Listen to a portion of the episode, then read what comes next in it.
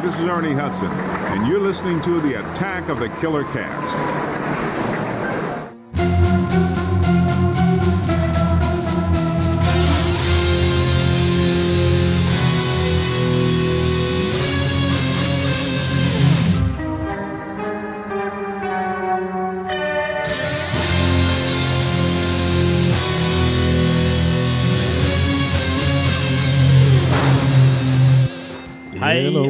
Hei. Ja. Nå må du ikke glemme hvem som er programleder her, Jørgen.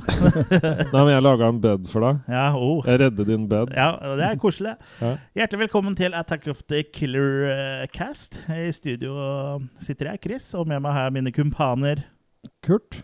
Jørgen. Ja. Kurt Jørgen. Kurt Jørgen. Jørgen. Ja. Og vi sitter her som vanlig for å snakke om eh, hva da? Om uh, trashfilmer, om sci-fi-filmer, om horrorfilmer, og om kultfilmer, og om alt som er gøy og moro. Ja, så, Og midt imellom der. og midt, midt imellom der, ja. Ja.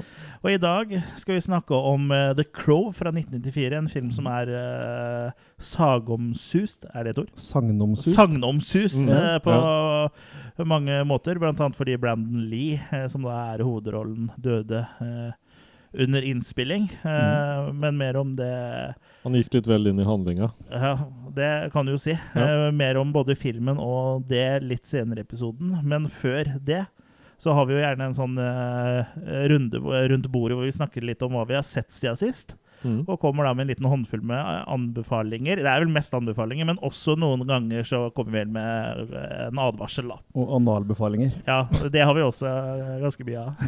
Ja. Der har vi mye holdt på å si på hjertet, men det er ikke der vi har den. vi kom med en håndfull Ja, tips. Ja. En fist. Mm. En fistful of tips. Mm. Ja. Ja. Jeg kan godt starte ballet der, jeg. For jeg har rett og slett ikke sett så all verden siden sist. Nei. Eh, Så det er kort oppsummert eh, sånn sett. Ja. Eh, Men i Killercast-øyemed så vil jeg nevne en ny TV-serie. Gangs of London. Som er en sånn ultravoldelig greie som går på ja, TV2 Sumo. Det er vel er det Seymour den kanalen heter? Ja, det er vel enten så er det en sumoserie hvis den går på TV2, eller så er det Seymour. De Ja. er liksom på en måte litt sånn Ja. blanda. Mm. Og det er rett og slett det det høres ut som. Det handler om uh, mafiavirksomhet i London. da. Ja. Okay. Hvor de forskjellige han hovedbossen på en måte da, uh, blir drept. Og så skal de finne ut av hvem som har gjort det og sånn. da. Ja. Ja. Det er ekstremt mye gladvold eh, der. og ja, Du ble glad? ja, Blir alltid glad absolutt, vold. alltid glad vold. og- Så lenge man ikke er i receiving end. Ja, meget kul koreografi. og Jeg mener han regissøren har laga noen actionfilmer som jeg ikke har sett, men som også er ganske kjente, som heter The Raid. Jeg har sett den første, den er veldig god. Ja, Så jeg, jeg tipper det er i samme ånd der, Ja, liksom. og hvis du har sett uh, den nye, nye filmatisering, nyeste filmatiseringa av Judge Dredd, som bare heter Dredd, Ja, riktig. har du sett den? Nei. Nei. For den er jo egentlig bare en kopi av The Raid. Ok, Ja. ja, riktig. For The Raid er jo Politiet jobber seg oppover en sånn skyskraper uh, som er liksom full av gangsters og, Ja. Og kriminelle. da Og Mm. liksom og jobber seg igjen en etasje oppover. liksom Så den er, den er faktisk veldig fet. Jeg har Ja. ikke sett oppfølgeren, men begge, begge to står i hylla hjemme. Den, Kriminelle melde? kriminell. Eller Mm. melde kriminelle. Ja. Men jeg kan eh, varmt anbefale Gangs of London også. Ja. Skikkelig kul eh, koreografi og bra handling, bra skuespillere. Har du sett hele, eller? Uh, ja, nei, det kommer eh, to episoder hver tirsdag, tror jeg. Oh, ja. Så jeg har vel sett seks episoder hittil, mener jeg. Men det er nok til å gi 60 episoder? Seks Er det, episoder. er det nok til å gi et make i Ja, jeg klasker til med fem maker på den, ja, altså. Ja, så, ja. så bra. Meget, meget, meget bra. Mm. Mm. Ja. Eh, Jeg kan jo ta vel eh, limpinnen, eh, hvis du da er ferdig. Ja. Jeg har sett dobbelt så mye som deg. Eller du har kanskje sett i flere timer, da. Ja. Men jeg har da sett to filmer. Den ene er Alita, Battle Aged Angel, oh, ja. fra 2019. Regissert av vår gode venn Robert Rodriguez. Han Mm. kjenner vi jo til. Ja. Og Alita, Battle Angel, det er en cyberpunk actionfilm som er basert på mangaen Battle Angel Alita.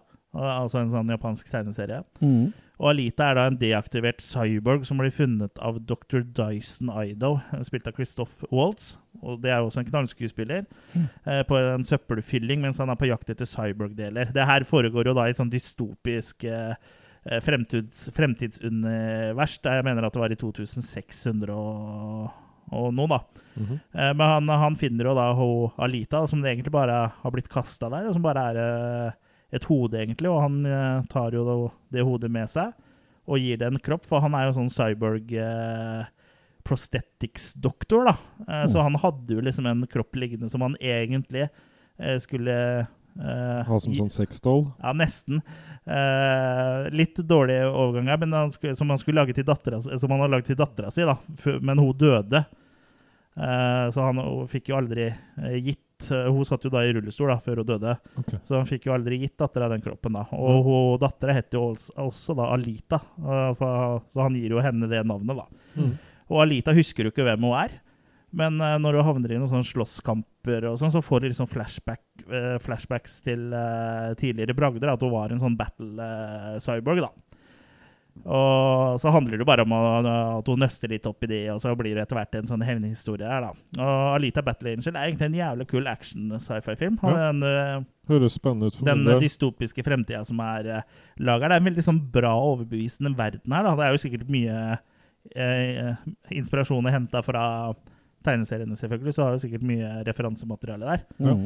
Men den er liksom veldig, eh, veldig bra. da, Jorda ligger liksom sånn brakk 300 år etter at, en sånn, eh, at det har vært en krig eh, mellom jorda og Mars. da. Mm. Ikke Mars-bordet, men liksom eh, med mennesker som bodde på Mars. da. Ja, ja. Altså Det er mennesker eh, her. Det er liksom ikke noe aliens. Nei.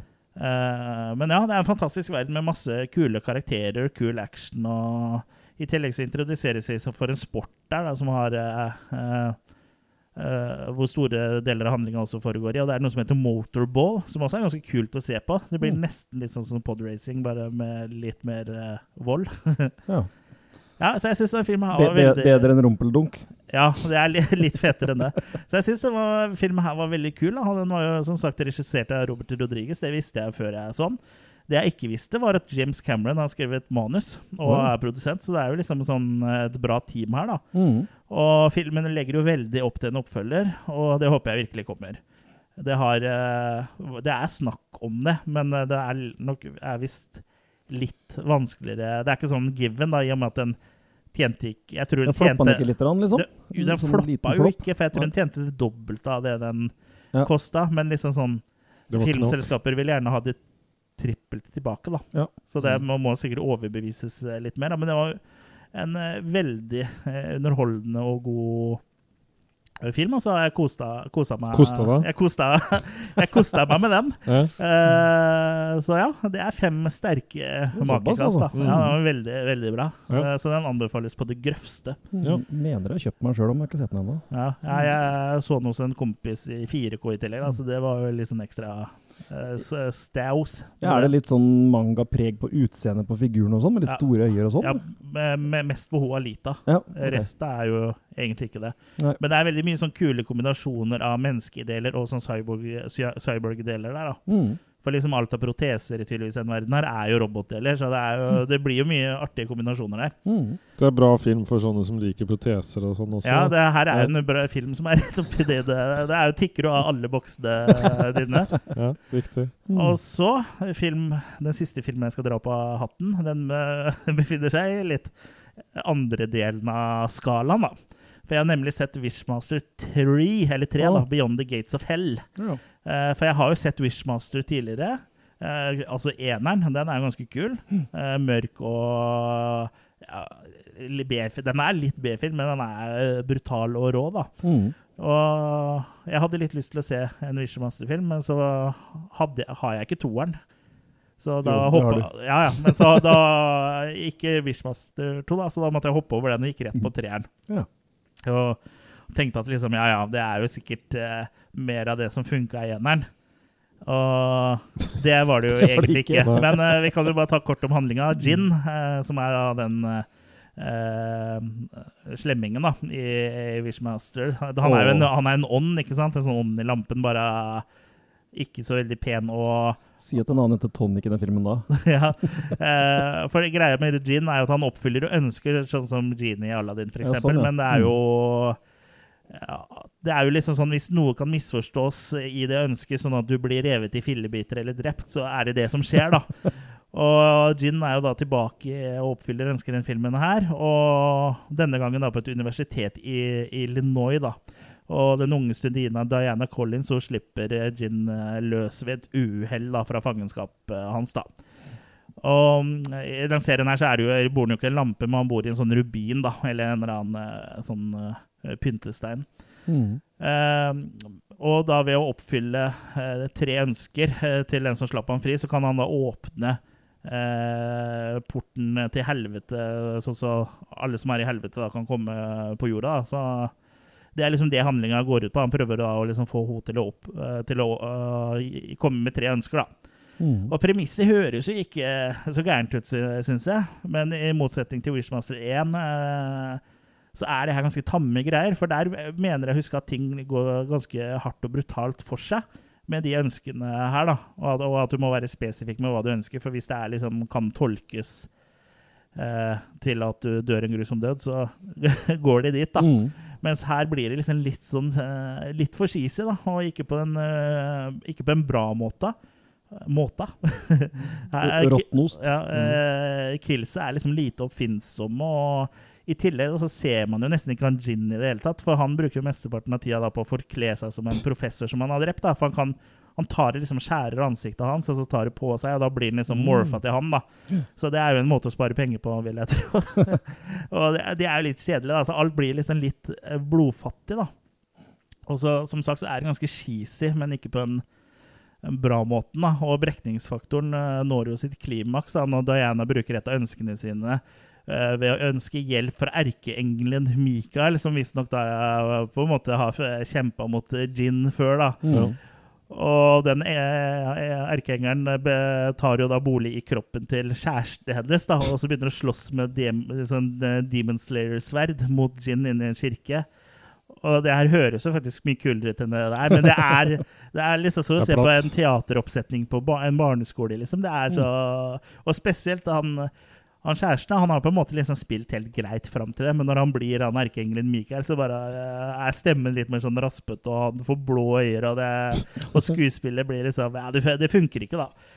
Så du har jo solgt inn at man må få bli nysgjerrig, da. Ja, og premisset er jo så sagt ve veldig bra. For nå er jeg jo egentlig veldig spent på toeren. Ja. Som vanlig. Så, uh, så jeg Ja. Jeg skal prøve å få sett Wishmaster 2 til uh, neste episode. Den kan jo umulig være dårligere enn uh, det her. Så dårlige kills, dårlig manus, dårlig skuespill, og alt er bare dårlig.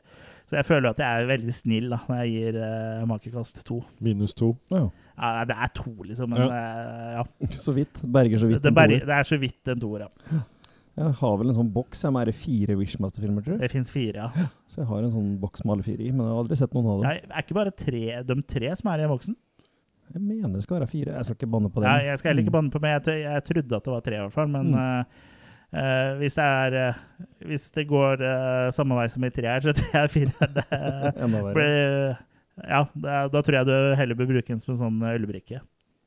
ja, men det har vi jo kjøpt egne Attack ja, of Killer-cast-ølbrikker. Ja, og det må du gå på attackofthekillercast.com slash merch for mm. å kjøpe det.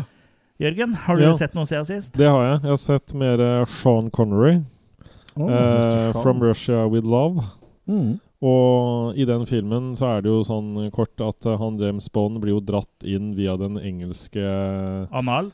engelske spiontjenesten. ja. eh, og den russiske, eh, den blir på forlokka til å på en måte bli brukt bare som et instrument Saksofon. av eh, spekteret. Ja, så, så, den, den ja, blir bare og, og Ikke autismespekteret, eller? Nei, nei men, men, men, men, måten de lander det her på sånn, det, det, blir egentlig en ganske sånn platt film. På ingen mm. måte favoritten, syns jeg. Jeg syns at det er en del sånn du har vært inne på det før, at det er sånn transportetapper og sånn. og Hvor lenge du kan være på et tog uten at det skjer noe spesielt. holdt jeg på å si det. Uten at Jaws kommer, liksom? Ja, jeg, jeg syns på en måte at den den, den huskes er det den liksom, filmen han er i? Nei. Nei. Den huskes vel liksom mest fordi den uh, Han er vel blant annet i Moonraker og sånn, han Jaws, er det ja. ikke det? Ja. Jo. Um, nei, men, men, i hvert fall jeg, jeg, føler ikke at jeg blir så underholdt, da. Uh, så det som er mest morsomt her, er vel måten russisk, eller russere snakker engelsk. uh, sånn. At det er noe av det mer morsomme der. Eh, og så er det ganske sånn sexy sånn agentdame der, da. Som er avhopper fra den uh, sovjetiske Jeg sa russiske i stad, jeg mente sovjetiske Ja, men- etterretningsdelen. Ja, så, så hun er det jo litt fart i. Men ellers er det liksom Det, er- det er en del sånne der, ting som bare drar ut. Ja. Og han ene som han godeste Bond må kjempe mot, er heller ikke en sånn veldig Jeg syns han er litt sånn kjedelig fiende, hvis vi skal snakke litt sånn Sånn som det ville vært i et spill. da At Litt sånn, litt sånn dårlig Mm. enemies. Nei, så der lander jeg på en uh, Maki 3, Mm. faktisk. Så må være litt uh, ærlig innimellom òg. Ja. ja, for det er, nå er det første gang du er ærlig, ikke Mm, sant? ja. ja. Ellers har jeg et uh, gjensyn, da, og da kan dere jo gjette Hvis jeg sier at det er en viss uh, politidetektiv eller etterrett... eller hva oversetter de detektiv med? Detektiv. Ja, det er, han er Kriminalinspektør. Ja, kriminalinspektør jeg vil- Frank Drebin. Ja, Han må forhindre da drapet på dronning Elisabeth 2. Mm. Ja, det er det første, det. mm, Ja. Og jeg, det, det var et hyggelig gjensyn med den. Uh, jeg tror jeg er sånn noenlunde samstemt med meg sjøl i forhold til hva jeg har gitt den før. Jeg gir en fire minus. Ja. Så Jeg det får jeg ta på egen kappe. Ja, jeg mener å huske at det er en soleklar femmer for meg, om ikke Ja, jeg mer. tror jeg ga det nå. Ja, Ja. ja. Um, Det er jo en klassiker, da. Ja, Ja, men nå var det liksom ikke om. så lenge siden jeg hadde sett den. Som vi har hatt episode om, ja. Ja, Ja. men Jeg, jeg føler at det ikke er så innmari lenge siden vi hadde Nei, episode om den heller, men uh, tida flyr jo. Ja. Det var før eh, korona. Ja, det er det nok. Ja. Mm. Mm. For, uh, og det er jo snart et år siden. Ja, begynner å nærme seg det. Mm. Mars. Mm. Har du sett noe mer? Jørgen? Ja, jeg har sett The Way of the Dragon med Mm. faren da til han eh, som vi skal snakke om filmen til i dag. Og før du sier noe mer eh, Det året her har gått veldig tråkt, tror jeg. For eh, vi hadde om Naked Gun 22. April, april 2020. Ja.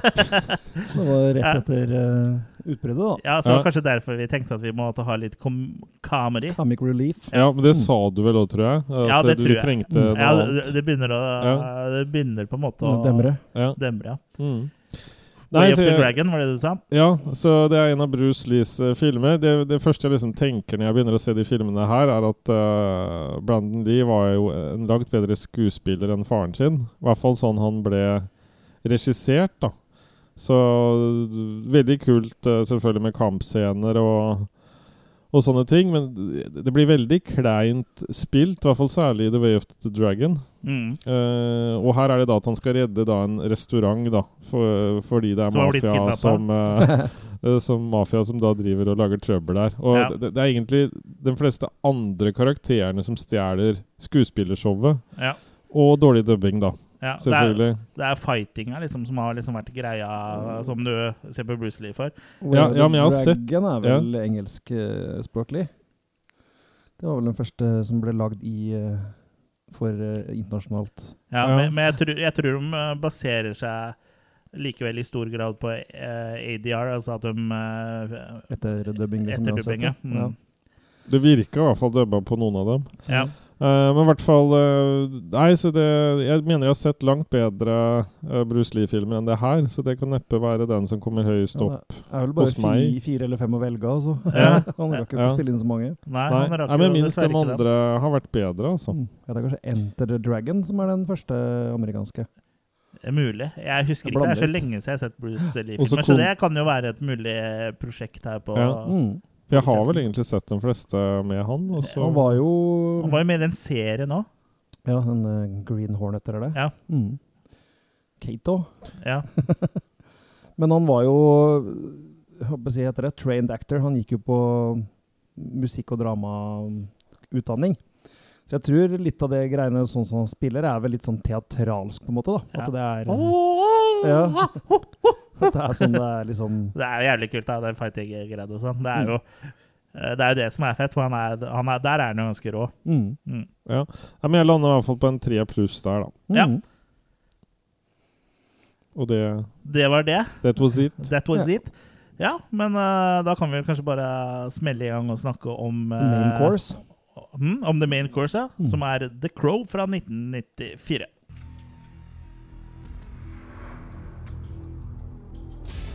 People once believed that when someone dies, a crow carries their soul to the land of the dead. But sometimes, just sometimes, the crow can bring that soul back to put the wrong things right.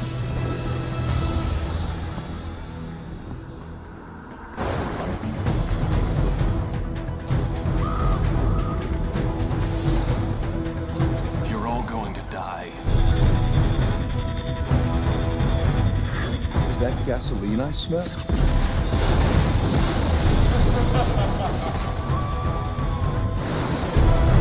Victims, aren't we all?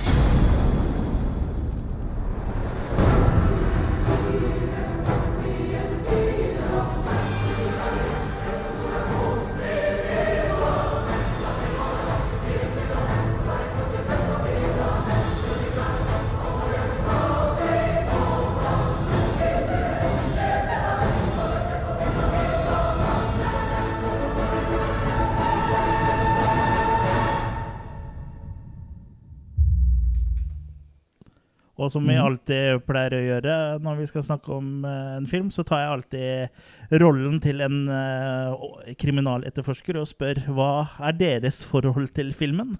Hva slags forhold eh, har dere til The Crow? Crow, The Crow. Crow. Ja, det litt blir litt sånn Snakketøy går raskere enn hjernen, og da blir det ofte at, at det skjærer seg litt. Men hva slags forhold hadde dere til The Crow før vi så den nå, da? For denne episoden? Ja, jeg hadde jo sett den før, og husker jo hypen den gangen den kom. Så jeg, jeg så nok ikke på kino, det gjorde jeg nok ikke, men jeg leide den nok på VHS i sin tid. Og ja, likte jo det den, den gangen òg. Den Ja, som sagt, den hadde jo en sånn hype, da, så det var jo en sånn film du måtte se. Mm. Mm. Jeg hørte vel bare om hypen, eh, men valgte aldri å se den. Og hvorfor det, vet jeg ikke, men eh, jeg hadde jo garantert likt den, tror jeg. Så Ja, for det var første gang du så den nå. mm. Ja, jeg jo, i likhet med Kurt hadde jo sett den. Jeg husker ikke helt om jeg så den i 94, men jeg vet at jeg har sett den på VØS. Mm. Og så vet jeg at jeg ikke har sett den eh, siden jeg så den på en sånn skikkelig skittig DVD. Jeg mener å huske at jeg kjøpte en sånn todisk fra play.com en eller annen gang, men den, det er såpass lenge siden at det er jo ikke en eh, widescreen transfer. Det er jo liksom eh, widescreen i et 4-3-bilde, så Mm. det er jo Letterbox. Det var Ja. trist. Ja, det er trist. Mm. Eh, skikkelig dårlig kvalitet. Men eh, eh, det, jeg så den jo på Blu-ray nå, da, for jeg, den har jeg jo også kjøpt uh, en eller annen gang. Mm. Uh, og det ga jo en helt annen opplevelse, så jeg har vel aldri sett filmen i så bra kvalitet, tror jeg. Det stemmer, det stemmer sikkert for, deg òg? Ja, absolutt. Jeg har jo ikke sett den siden den gangen, jeg, så så det var liksom greit å få, få den med i bra kvalitet. Ja, Absolutt. Det er jo en uh, film som er uh, spesiell uh, på mange måter, men vi trenger, det skal vi snakke om litt uh, seinere. Nå kan vi bare gå litt sånn gjennom handlinga, da. Og filmen starter da med en voiceover, akko- akkompagnert av bilder av et brennende Detroit. Eh, Som for øvrig er miniatyrmodeller, da, hvor eh, flammer og karakterer og andre ting liksom har blitt ettersom jeg har forstått, da, projisert i real time da, på de, de modellene her. Mm. Og så er det gjort noe i ettertid òg, men det gjør at det, det ser liksom ganske kult ut. da, og Selv om det kanskje ikke ser sånn kjemperealistisk ut, så får det i hvert fall en ganske sånn kul look, syns jeg. Ja, og så er det jo basert på en tegneserie, og da er Ja. sånne ting kult. Ja, og liksom, den får liksom litt sånn tegneserieestetikk med en gang, da, Mm. før du på en måte har sett en eneste karakter. Mm. Uh, så Ja, du mø den første karakteren du møter, er jo på mange måter Detroit, da. Mm. Som minner litt om eh, Batmans, Batmans eh, Gotham, bare verre, egentlig. Ja. Og denne voiceoveren, da, det er jo en lita jente som sier, sier eh, nå à la People once believed that when someone dies, a crow carries their soul to the land of the dead. But sometimes something so bad happens that the terrible sadness is carried with it, and the soul can't rest. Then sometimes, just sometimes, the crow can bring that soul back to put wrong things right. Mm. Så basically at uh, hvis det er noen som har dødd med ting uoppgjort, så kan en kråke på en måte bringe eh, sjela til den personen og da den personen tilbake. Da. Mhm. Og hvis, det, og hvis det har skjedd, det er hvis det har skjedd noe bad, da. Og Hva skulle vi si, Jørgen? Ja, rett og slett på svensk, liksom. Har du råkat illa ut, kan kråka retta du Ja, for det er jo mye overtro Ja, som er knytta til sånne kråker òg, så det er jo ikke tatt ut fra ingenting. eh, Dette her, og Spesielt Edgar Allan Poe hadde jo litt sånn anstrengt forhold til både kråker og ravner. Ja. Mm. Og eh, i nordisk mytologi så har du jo også Ja. ravnene, så Hugin og Munin. Ja. Og ja, kråkene kan jo da få noen eh, til å vende tilbake hvis det har skjedd noe bad, og her skjer jo absolutt noe bad. Mm. Eh, 30. oktober, eh, aka Devil's Night, eh, i, i Detroit, så blir da Shelly Webster banka på voldtatt i leiligheten sin.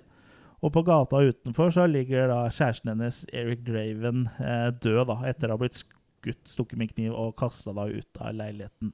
Mm. Og det er for øvrig under innspillinga av den scenen her eh, hvor da Brandon Lee eh, faktisk ble skutt på ordentlig og døde. Men mm. eh, det skal vi snakke om litt eh, senere Ja. i podkasten, så heng med. Mm. Eh, det som er litt spesielt her, er at de, eh, når politiet ankommer, så viser det seg at Eri- Eric og Shelly hadde planlagt å gifte seg da, dagen etter, på Halloween. Halloween, ja. det, det er jo et par etter vår smak, da. Ja. Eh, da Jeg syns vi skal innføre Devil's Night òg, ja, altså. Brenne ned byen hver 30. oktober. Liksom. ja, ikke sant? Det, blir, det, er jo litt, feiring. det er litt sånn som Ikke at jeg har sett de filmene, men det blir litt, sånn som The Purge. Ja, riktig. Ja. Ja. Ehm, men eh, ja, og så sier jo en av politifolka bare uh, who, 'Who gets married on Halloween?' Og da sier jo s- eh, sersjant Albrecht uh, 'Nobody'. Mm. Eller 'apparently nobody', ikke sant? Som at det her Slapp dem jo. Det slapp dem jo. Mm. Og Albrecht, Albrecht spilles jo av Ernie Hudson. Mm. Han har jo du møtt, Jørgen. Jeg har det. Ja, det, Ja. Vi har, hørte hørt jo en liten hilsen fra han i starten av podkasten her. Hvor, hvordan var det å møte han? Han er jo kanskje mest kjent eh, fra Ghostbusters. Ja, nei, det var, det var et kort kort, artig møte. Fordi han er jo veldig sånn sympatisk eh, fyr og sånn, og det spiller han jo også, egentlig. Så det Ja. Han var egentlig eh, sånn som jeg på en måte ikke huska han, holdt jeg på å si. Ja. Jeg, jeg huska han jo ikke akkurat der og da når jeg fikk signaturen. Jeg bare visste at han var kjent. Mm. ja, for du har fått signaturen av. Hva den? Penis? Nei, for da hadde jeg ikke fått plass til alle bokstavene. Så jeg tok også Jeg, jeg fikk det på bildene. Ja. Ja, ok, for du Ja, kjøpte veldig- et bilde der. Du hadde ikke med en. Ghostbusters-film eller noe? Nei, Nei. det hadde jeg ikke. Nei. Men i hvert fall veldig ålreit fyr. Mm. Og Ja. kul stemme, da. Ja, han eh, virker, uten at jeg kjenner så virker han jo som en uh, kul fyr. Og han har jo spilt inn en hilsen til oss, og da er du jo kul i vår bok. Absolutt. Mm. Men uh, Shellys liv da, henger jo da i en tynn uh, tråd. Mm. Og hun blir da frakta til sykehuset. Uh, og utafor leiligheten treffer hun da Albrecht, eh, en ung jente med et skateboard som heter Sarah. Og hun sier da at hun er venn av Eric og Shelly, og at de da å, at pleier å ta seg av henne. Mm. Og Albrecht, da, han har, Albrecht har jo fortalt eh, til hun Shelly da, at liksom ja, Eric kommer sikkert til å klare seg, du kommer til å klare deg, og, men uh, han sier jo da til Sarah at uh, det her går ikke, liksom. Eric er allerede død, og Shelly kommer til å dø, da. Mm. Og så hopper vi ett år uh, fram i tid. Da flyr en kråke over uh, et regnfullt Detroit, og jeg, må si at de, de kråkene som flyr over byen-sekvensene, de er ganske kule. Det er det. Det er en kombinasjon av de nevnte miniatyrshots uh, som vi snakka om tidligere, og da ekte bilder som er skutt på bluescreen, eller om det bare er opp mot himmelen, for den er jo ofte blå, Mm. uh, men som da er kia ut. da, Men det som er ganske imponerende, er at bevegelsene på Det er jo to forskjellige videospor der, eller Mm. filmspor, da, og bevegelsene matcher jo. Mm. Så det syns jeg er ganske imponerende gjort, med tanke på at det her var en relativt uh, lavbudsjettfilm Ja. uh, i 1994, og at de liksom du ser at kanskje en keyinga ikke funker sånn helt perfekt, men det er, funker bra nok til at det er fett. da. Det ødelegger ikke noe. Nei, jeg, og jeg syns liksom det er imponerende hva de har fått til med så lite ressurser. da. Mm. Mm. Og apropos de kråkene, da, så er det jo litt uh, ironisk da, at det er jo ikke en eneste kråke med i The Crow. Nei. For det er jo ravner. Ja. Og de har vel antageligvis valgt ravner fordi da ravner er litt mer badass, som har litt lengre nebb og Mm. Ser litt kulere ut. Da, er Litt større òg. Mm. Uansett, da, disse sekvensene er eh, Jeg syns de er imponerende. Og det er en film som snart er eh, 30 år gammel nå. Ja, det måtte jo være banebrytende med CGI og sånn pga. at Brandon gikk bort. Så de har fått til mye på lite penger her, altså. Ja, det har de. Mm. Og ravnen, eh, jeg, jeg mener kråka, den eh, lander da på gravsteinen til Eric Draven, eh, som da naturligvis ligger ved siden av Shelly sin. Og kråka tapper da, eh, ikke med kortet sitt, men, men eh, nebbet sitt eh, på gravsteinen. Sånn sånn tag, team-greier. ja, Mm. ja, han gjør det. Han bare tapper et par ganger, og da står jo Eric Draven opp, da. Ja, for det er sånn RFID. Ja. Så blir det Ja. Ja. Mm. Uh, han kommer da opp av grava si. Virker ikke som han husker så veldig mye, men han kommer seg i hvert fall hjem til leiligheten hans, da, som ser helt herja ut. Der Mm. har det vel ikke vært en kjeft siden uh, et år sia, da.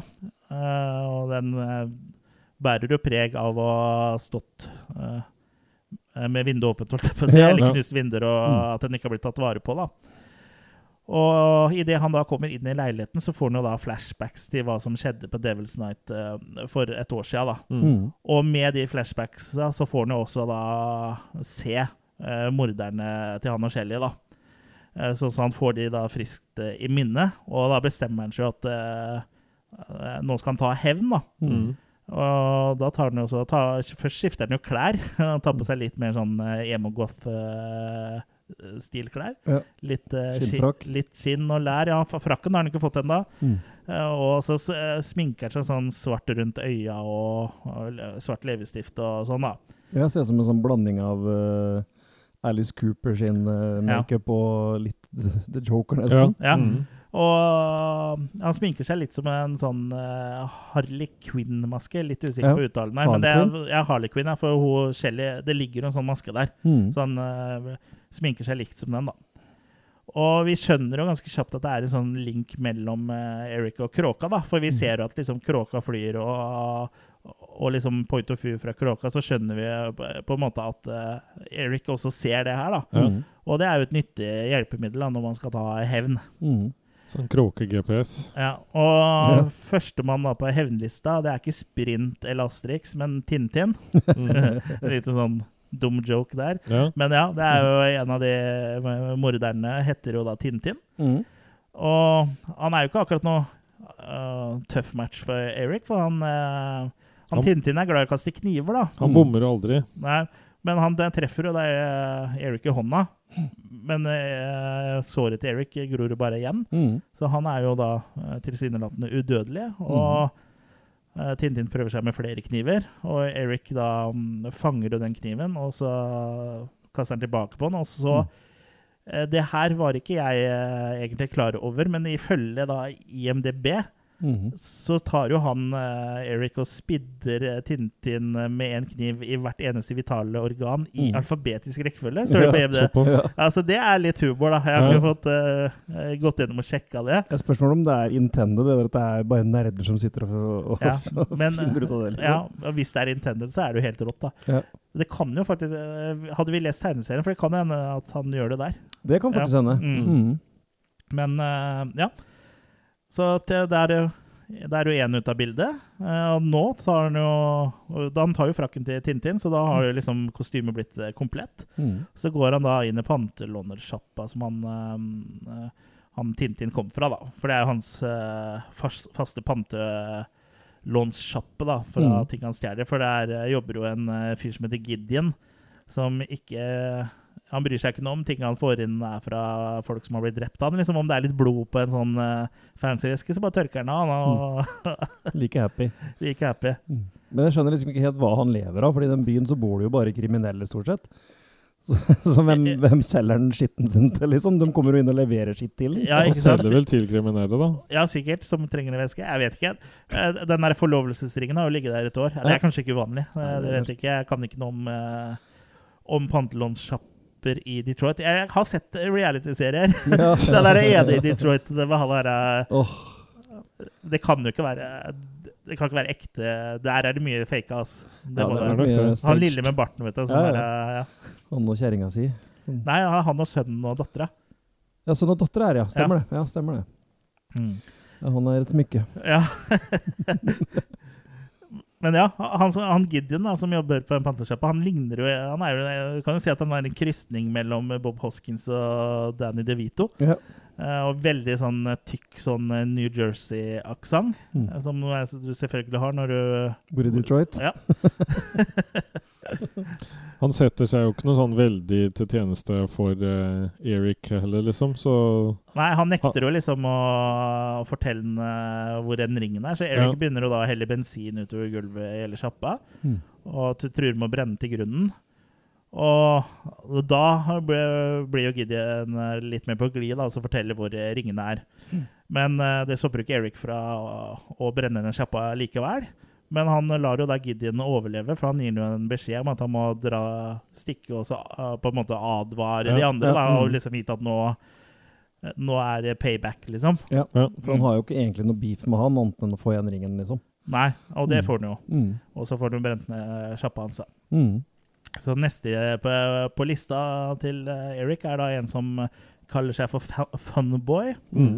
og han er da i en leilighet og koser seg med både dop og en uh, kvinne da, som vi uh, rett før tidligere i filmen uh, fikk vite er eh, mora til eh, Sarah. De har sånn eh, morfin- og rekeaften. Ja, rett og slett i en Ja. møkkete leilighet over, den, eh, over favorittpuben, da.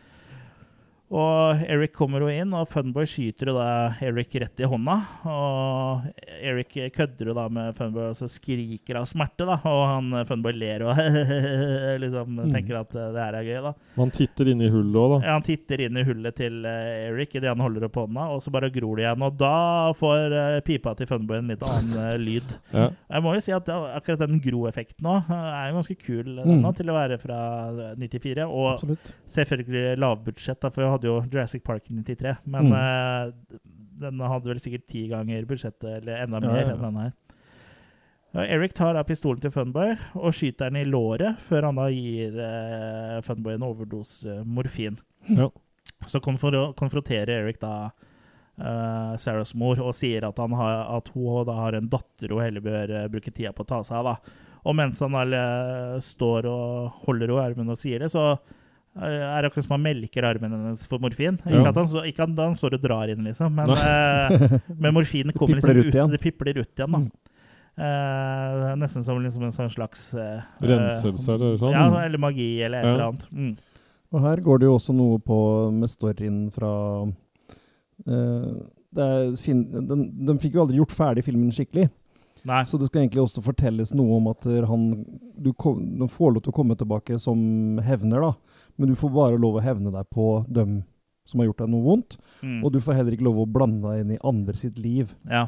Så det at han redder henne, er en av tingene som gjør at han blir sårbar etter hvert. da. OK. Mm, Han følger ikke følger ikke reglene, rett og slett. Mm. Nei. Nei, For, de, for de, reglene skulle vel bli presentert av en uh, karakter som eh, Michael ble kutta ut, som Ja. Michael Berryman skulle spille, som heter Skull Cowboy. Ja. Som liksom på en måte er uh, han som presenterer reglene, da. Ja, han er liksom den sjefen for uh, ja, dem som slipper tilbake Ja. igjen. Mm. Ja, så på en måte hvis du har sett Spawn, som også er veldig Eller lest Spawn, da, som er veldig inspirert av The Crow igjen, det Mm. må han være, Mm. så er det jo samme rolle som han den klovnen der har, da. Ja, riktig. Eh, men ja eh, eh, Vi skal jo snakke mer om dødsfallet til Brandon senere, men han hadde jo tre eh, arbeidsdager igjen, holdt jeg på å si. Mm. Og mye av det, etter som jeg forsto, var jo da med Michael Berryman, da. Ja, den står inn der. For de hadde filma én dag, visstnok, men så skulle de liksom filme Mm. på slutten av produksjonen igjen. da. Ja. Mm. Og jeg har jo sett eh, eh, en sånn eh, klipp, eller ikke klipp, men bilder av hvordan Michael Berryman hadde sett ut som Skull Cowboy. Sånn, det så ganske kult ut. Ja, ja. Det ligger jo en liten dokumentar som vi kanskje kan legge ut på Losers Club på eh, communityet vårt, som da eh, ligger på YouTube, altså den dokumentaren. Mm. Eh, For den var ganske interessant, egentlig. En 20 minutters uh, film. Det var vel litt uenighet om kanskje den uh, framsto som kulere da uh, i tegneserien enn sånn de laga den i sånn prosthetic. Ja, Mm. men uh, vi har jo liksom, vi har aldri sett noe annet enn stillbilder. For ting ser ganske mye døvere ut på et Mm. polaroidbilde enn uh, når det ender opp på film. da. For Ja. lyssetting har mye å si. Mm. Mm. I dag så hadde den vel vært totalanimert. Antageligvis CGI, ja. Mm. Mm. Men eh, ja. Han eh, selveste Albrecht, da, han er jo egentlig ganske fornøyd da, med at de scumbagsa her faller om som fluer. Ja. Selv om sjefen ikke er helt enig. Nei. Men Albrecht han jobber jo egentlig ikke så hardt med å stoppe denne vigilanten, da. For han syns jo det her er bra, han. Ja. Og så har han jo en sånn slående mistanke om at det er Eric Draven. Da. Han har jo sånn gammelt bilde av han som han sitter og tegner der, uh, sminka på. Og Ja. han mistenker jo egentlig at det er uh, han. Ja, for han fikk et lite glimt av han, liksom, men ikke noe mer. Ja. Mm. Og ja, for han eh, lot den jo slippe Han lar den jo også slippe unna, Mm. ikke sant? selv om eh, han har mulighet til å ta han. Mm. Eller om han har sånn reell mulighet, det spørs vel. Men han, ja, Han er vel bare brått borte, vel? ja, Ja. Ja. Men uh, Eric han oppsøker også Albrecht da, i leiligheten hans, og da bekrefter mistankene Mm. om at eh, han er Eric. da. Og Albrecht forteller jo da at han satt ved Shelly helt til hun døde på sjukehuset etter uh, 30 30 timer. timer. ja. Og Eric Jeg vet ikke om han liksom skjønner det sjøl, eller om han eh, gjør det bare helt sånn instinktivt. Det kan jo hende at Skull Cowboy hadde visst den, eller noe sånt. Nå. Mm. Uh, men i hvert fall her så tar jo da Eric på hodet til uh, Albrecht, og så får han jo på en måte alle de timene med smerte som Shelly opplevde, får han jo da på én gang, da. Mm. Uh, ja. Jeg vet ikke helt hvordan eh, smerten til Shelly kan overføres via Albrecht Nei. til han, men uh, Det er vel hans inntrykk, bare, da, kanskje? Ja, jeg er litt usikker på Mm. det, men eh, det spiller ikke så stor rolle. Jeg tenker det er litt sånn parallelt til Spock i Star Trek, ja, når han Ja. tar liksom og kjenner, Ja, og så sånn- linker sammen. Det er litt sånn Mm. Lilly Bendriss-takter. Ja. Imens så har Gideon han har vært flink gutt, han, og løpt til sjefen for gjengen, som har det klingende navnet Top Dollar. Det er veldig bra Jeg syns det er bra navn på Absolutt. Det er det. Ja, ha, på de skurkene her. Jeg husker ikke om det er regissøren av filmen Nei, det er ikke regissøren av filmen. Det er han eh, som har laga tegneserien som var fan av eh, et eller annet band. Eh, Ja, Joy Division. ja, Joy Division. Mm. Og en del av karakterene Jeg tror ikke det er alle, men noen av de er i hvert fall oppkalt etter eh, bandmedlemmene og kallenavnene deres der. da Mm. Ja, moro. Men han Top Dollar da Han er jo ikke bare lederen for de idiotene han skal ta hevn på, han er også lederen for alle egentlig Detroit. Ja. Så der har de liksom samkjørt sånn Ja. hele greiene. Ja. Og han advarer jo da Top Dollar mot Eric, da. Og Top Dollar han takker jo for advarselen han ved å kjøre et sverd gjennom halsen hans. Og så Mm. skyte den. Ja, Og så, skyte den. Og til uh, hans elskerinne slash halvsøster Maikas eh, store Ja. begeistring. Som for øvrig har en uh, greie for øyer, da. Og Mm. liker å ta de ut av Og en stolt byste. Ja, Mm. ja. Du likte henne. Mm. Du liker uh, damer som er, er opptatt av øyer. Ja. Kråkerøy og Det er i øya alt sitter. Asmaløy. Så er det var ikke så mye Kråkerøy heller. For det Nei, var jo det er ravner. Ravdøy. Mm. Eh, verdt å nevne også, da, eh, er at eh, Top Dollar har en eh, høyre hånd. eh, altså ikke bokstavelig talt, for det har jo de fleste. Det er mer sjelden at man ikke har det. Men han har da en assistent, da, eller altså, medhjelper som heter Grange, eller Grange, jeg husker ikke helt hvordan hun uttaler det, men han har i hvert fall spilt av legenden Tony Todd, da. Mm. Kjent som Candyman og masse Kul. annet. Kul fyr. Mm. Ja. Og ja, hevntoktet til Eric fortsetter. fortsetter. Idet T-Bird og Skank, det er kosegutter her, Ja. er en tur i butik butikken, så dukker da Eric opp og kidnapper T-Bird, som da sitter og venter på Skank i bilen, og kjører av gårde med han, da. Og Skank løper jo da etter, klarer å bli påkjørt av en bil som han stjeler, og haster jo da et, etter de da, ned til brygga, da. Mm. Og der, eh, Jeg vet ikke helt hvorfor han ikke på en måte prøver å gjøre noe, men han står da og ser på at Eric binder fast T-Bird i bilen, som da er strappa med eksplosiver, og lar bilen da kjøre av brygga mens den eksploderer da eh, mid-air før den da Mm. synker ned i Detroit River, eller hva det er for noe. Og Skank er også en figur i, i en film som heter The Wraith, som er en av mine favorittfilmer. Oh, Ja. Som også spiller eh, om en vigilante da, som kommer tilbake for å hevne Ja. seg på sin brors morder. Men er Skank-vigilanten, eller er eh, Nei, Skank er en av gjengen ja, der òg. Det er jo sånn typisk skurkenavn på uh, uh, På 90-tallet, tror jeg. Mm. Men ja, i akkurat det killet her lurer jeg på også om det var en av de tre siste Scenene. Uh, innspillingsdagene til Brandon Lee. Mm. For vi ser jo aldri Vi ser ansiktet til Brandon Lee én gang mens han driver, og det ser ut som det Ansiktet er jo et close-up, men det ser ut som Mm. det er klippa ut av en annen bakgrunn og satt inn der, for det ser litt sånn rart ut. Ja. Mm. Og så ser vi aldri noe mer til ansiktet til uh, Eric mens han da strapper uh, han uh, fast med en dynamitten, og han kjører over der. Og du ser jo ikke et eneste bilde av fjeset, bortsett fra det nærbildet som ser Mm. ut som det er tampered med. da. Ja. Så det, det var jo ganske tydelig. Mm. Ellers så kan jeg ikke si at uh, jeg har lagt merke til så veldig mange steder hvor det, ting er tampert med. De har vært flinke til å liksom jobbe seg rundt det at han er død. Ja. Men det var jo en del sånn eh, flashback uh, hvor han Eller det som vi ser både i flashbacks og litt i starten av filmen. Vi Mm. ser jo mer og mer eller mer flashbacks han får utover i filmen. Er jo der hvor han blir drept, har de jo filma på nytt. Mm. Mye av det. For de opptakene ble destruert, og de brukte dem ikke For den ble destruert etter en sånn eh, rettssak eller noe sånt. Mm. nå. Mm. Eh, og de brukte jo ikke eh, de opptakene hvor han ble skutt på ekte. Ja. Så der ser du jo veldig mye av de hvor han da blir tvunget til å se på at Kjelli Kje- blir voldtatt. Så ser du hun som regel bakfra, Mm. eh, hvis det er lov å si. Men ja. eh, og når politiet ankommer dette åstedet mens det er liksom grytidlig på morgenen, så blir jo det han møtt et symbol i flammer av en kråke. Og det er Mm. egentlig ganske kult. Det er liksom veldig Ja. sånn superhero. Det er liksom på en måte hans eh, Sign. ja, sånn Varemerke. brandsignal, eh, Brand. Mm. Ja. Så det, det syns jeg liksom Det, det lukta superheltfilm, holdt jeg på å si. Eller litt sånn antihelt, da. Mm. Men tenk liksom om Marvel gikk all in her. Og så Ja. tok The Crow og tok det og bygde opp den. Ja, Først må man ha rettighetene, da. Ja. Det er Mm. verken DC eller eh, Marvel som har de, men et eller annet firma som jeg ikke husker hva hva het. Men ja, det hadde vært kult å Eller nei. Det er, Som serie, kanskje? det er, vi kommer tilbake til det litt senere. For det, er, det har både blitt laga oppfølgere og serier. Mm. Og også vært snakk om en reboot i de siste Snart. 20 åra. Mm. Eh, men ja, imens da, så har uh, mora til Sarah og har lagt om livsstilen og prøver da å være en eh, god mor Mm. og lage stekte egg, egg til frokost og greier. Og Sarah har jo da skjønt at hevneren som løper rundt og rydder opp i nabolaget, er Eric, da. For de Ja. møttes jo litt tidligere i filmen, hvor han da sa noe sånn à la It doesn't always rain, eh, som Mm. er en da eh, fra en sang da, som han har, har laga. Så hun kjenner den eh, strofa derfra, da. Mm. Så hun drar jo da til leiligheten hans og forteller da at hun savner han. Men eh, Eric sier da at de kan ikke være venner lenger, for han uh, har på en måte et oppdrag. da, Mm. Og at han fortsatt bryr seg om henne. da. Ja. Og Skank, da. Skank. Skank løper tilbake til top dollar, han da. Livredd, for han er jo nestemann på lista, og mm. den eneste, egentlig.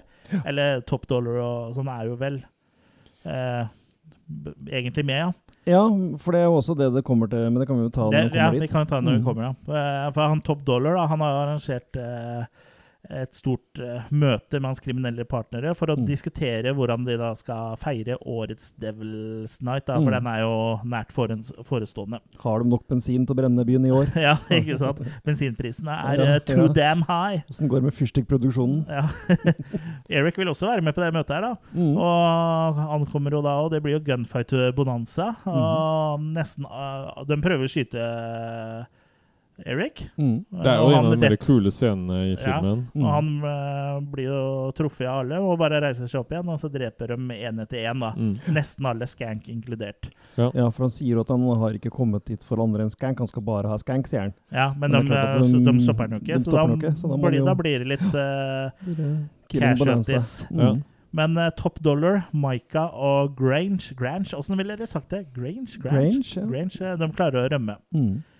Nå er jo egentlig Eric og fornøyd. Eh, For hans del så har jo han gjort det han kom tilbake for å gjøre, Mm. og setter da kursen mot grava. Og Sarah er jo også med da for å si adjø. Og Eric gir jo hun da Shellys eh, forlovelsesring. Mm.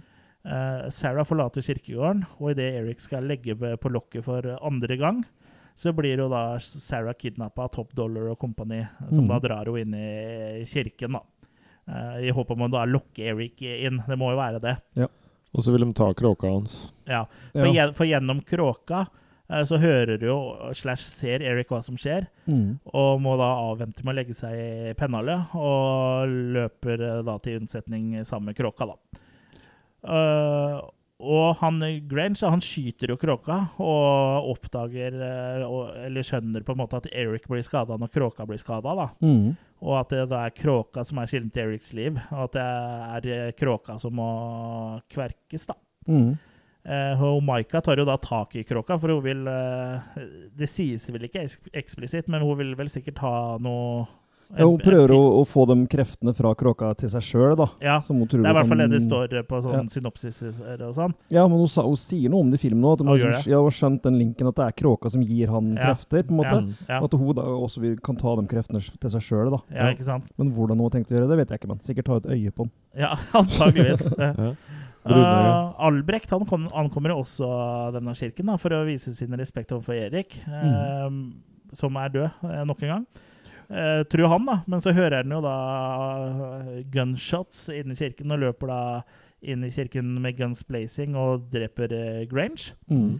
Eh, og kråka, eh, som da er i Maikas hender, eh, hakker jo da ut øya hennes. Altså hun, for hun er jo på vei opp sammen med han Top Dollar og Sarah opp i det klokketårnet. da. Ja. Så hun detter jo øyeløs ned i døden. Så det er en artig twist, da. At hun får hakka ut øyet sitt. Ja, Så det er jo litt sånn mm. uh, karma, kalles det. Og Top Dollar han tar jo det med seg da Sarah opp på toppen eh, av det tårnet, og så ut på taket på selve kirken. da. Mm. Det er veldig fint da, å få en sånn siste etappe der oppe. Ja, for du Mhm. får jo da en final showdown eh, oppå taket der. Han Top Dollar han eh, dytter jo bare Sarah utenfor taket, men hun klarer da å klamre seg fast til et stillas. Mm. Eh, og Top Dollar forteller jo da at det er eh, han som er ansvarlig for at Eric og Shelly døde, da. Ja. At det er liksom han som sitter med det ultimate ansvaret her. Ja. Ja, for de hadde klaga, eh, etter det jeg forsto, der de bodde. For det sa vi ikke innledningsvis. Det er derfor de kom for å hive dem ut. Ja, for at Ja. de ville ikke mm, flytte frivillig. Nei. Ja, Mm. ja, så da Så kritikk, det tålte de ikke. Nei, så da drepte de dem istedenfor. For det, de ville jo ja, Hva de ville med nabolaget, vet jeg ikke helt. De det er ikke godt bare, å si, for det er jo ingen som bor der året etter. de har ikke gjort noe med det. liksom. De ville bare ikke at folk skulle bo der. Tydeligvis. Nei, Mm. Så de ville jo bare drepe noen, da. Ja. Men eh, ja, det blir jo en liten sånn sånn sverdfight på toppen her. Topp Ja. Top Dollar har et sverd, og Eric han eh, tar en sånn Jeg vet ikke helt hva det heter, men en sånn spir eh, som står oppå Sikkert noen lynavleder eller noe sånt. Ja. Og så blir det en liten sånn fighting Ja, og nå er jo ikke Nå er han jo ikke udødelig heller. Nå blir han såra og sånn. Ja. Det har han skjønt mer og mer. Ja. Ja, og, Ja. og det handler også om da at eh, Top Dollar egentlig ikke er en av dem han hadde fått lov å komme tilbake og hevne seg på, for han Mm. var ikke med på drapet. Nei. Men samtidig sikkert da når han innrømmer at det er han som er instrumentet, da, Ja. så blir det vel kanskje Da OK går, kommer han likevel. inn på lista. Ja, det er, ja, mm, Ja. jeg Ja, jeg er litt usikker. Eller om det er fordi kråka er såra, at han også blir såra. Jeg har ikke helt skjønt det. Ja. Men uansett, da, så ta, Det virker jo som uh, Top Dollar skal til å vinne. Så tar jo da Eric og så overfører, tar hendene på hodet hans og overfører da den 30 timer med intens smerte som Shelly hadde, over til han. Og det blir jo så mye for han at han da bare faller av taket. Ja. Og rett på en sånn gargoyle-status som han blir spidda av. da. Så det er ganske sånn brutal eh, død der, men det er Mm. altså litt sånn kult òg, da. At han liksom på en måte bare overfører smerten som han er eh, ansvarlig for i utgangspunktet. Mm. Så det er litt sånn eh, karma her òg. Ja. Og Eric redder av Sarah eh, fra der hun henger, Mm. og tar henne da med til Albrecht, som er i ferd med å bli frakta bort av en ambulanse, da, for han ble jo da skutt idet han kom løpende inn og drepte Grange. Og Eric han returnerer da til grava si akkurat i tide før han eh, svimer av. Mm. Og så kommer Shelly da, Ja. i form av eh, vet- gjenferd, spøkelse, force ghost. Jeg vet ikke helt hva vi skal kalle henne, men hun er i hvert fall pen og skinner og er liksom litt sånn engelaktig. da. Ja. Og når vi ser Eric, da, og de blir gjenforent, så er jo han da pen igjen, han også. da. Han Mm. er liksom eh, ikke i, Ikke The Crow, liksom. Han er uh, vanlig Brandon Lee, da. Ja. Mm. Og så går det litt tid, antagelig, for eh, Sarah besøker jo da Eric og Shellys eh, grav. Og den er jo gravd igjen. Og kråka står da på Erics gravstein med den forlovelsesringen til Shelly i nebbet. Jeg må innrømme at jeg fikk ikke med meg at hun mista den, men det gjorde hun sikkert i For hun hadde den jo før Mm. hun ble kidnappa. og kråka slipper den eh, ned da i hånda til eh, Sarah da, og flyr da og går i Detroits gater. Mm. Og filmen slutter jo da, eh, som den starta egentlig, med bilder ovenfra Detroit, med en voiceover fra Sarah, eh, som eh, sier noe som Though, buildings burn and people die, real love is forever. Og så fader det to black, og så står det for Brandon and Eliza, da. Og Eliza var kjæresten til Brandon, da. Forloveden hans, For de skulle Ja, jo da gifte seg etter den filminnspillinga her. Ja, bare noen uker etter. Ja, den, Ja. sier eh, Sier uh, så. Ja. Uh, før vi synser uh, så mye om uh, filmen, så bør vi egentlig snakke litt om andre ting rundt filmen. Mm. Og det er jo sånn at vi, vi kan jo snakke om de andre grunnene til at The Crow er kjent som en cursed film, sånn hvis vi ser bort fra Brandon Lees dødsfall først, da. Ja. Eh, det hadde jo ligget en eh, allerede under tidlig innspilling, så lå det jo igjen en eh, sånn telefonbeskjed at de måtte ikke lage filmen. Det var en sånn warning, eh, Ja, det- av det jeg har forstått. Og det er spesielt. Ja. Mm. For det, for det Ja. Det, vi, man har aldri fått vite hvor det kom fra. Men det også, og det er jo liksom Det er jo antageligvis ikke en sånn tegneserie eller noe som noen hadde sånn, sånn veldig stort forhold til at man på en måte Hvis hun skulle lagd en remake av Back to the Future eh, som du har på deg T-skjorta nå, eller noe som folk Mm. har et sterkt forhold til, da. Eh, Så det og det var liksom ikke noe sånn Det var jo ikke noe sånn reell trussel heller. De sa bare at det kom til å skje ting. Ja, liksom. ja, det var en warning. Ja, Ja, og det var det, jo, og det var jo en uh, advarsel med uh, Rette. rette. med stor W. Ja. Ja. uh, nei, for det allerede først, Angivelig allerede på første dagen hvor de begynte å filme, så var det da en elektriker som uh, står i nærheten av en kirsebærplukker. Uh, han treffer da høyspentledning. Når han rygger eller Eh, noe sånt? er det ikke Ja, ja, et, ja. Så han blir jo da elektrokutert eh, og kommer på sykehuset og har både andre- og tredjegrads forbrenning. Og så forsto jeg det som at han mista øret. Ja, altså, ja, ja, de måtte fjerne øra. Så han hadde vel tydeligvis uh, hørt noe han ikke skulle høre, da. Ja. Nicky Ja. Lauda. Ja, og etter, Ja. etter det så begynte han som skuespiller, da. Michael Berryman. Nei da. Nei, og så, og så var det også en eh, kraftig orkan i forhold til der det ble spilt inn. Så jeg vet ikke backlot-sett Ja, det, det, det ble liksom, tatt. Ja, det er Mm. backlot er sånn de bygger gjerne på sånn så, Som Universal har en stor Eller hadde i hvert fall en stor backlot, Mm. hvor de hadde annet den byen som er brukt i Gremlins og Back to the Future. Mm. Ja, Ja. riktig. Og den, den filma vel i North Carolina eller noe sånt nå, for det var mye billigere der. Ja, de hadde jo bevega seg til en stat hvor de ikke trengte å forholde seg til Unions. eh, Ja, til uh, union, hva er godt norsk? Fagforeninger. Fagforeninger. Mm. Ja. Ja.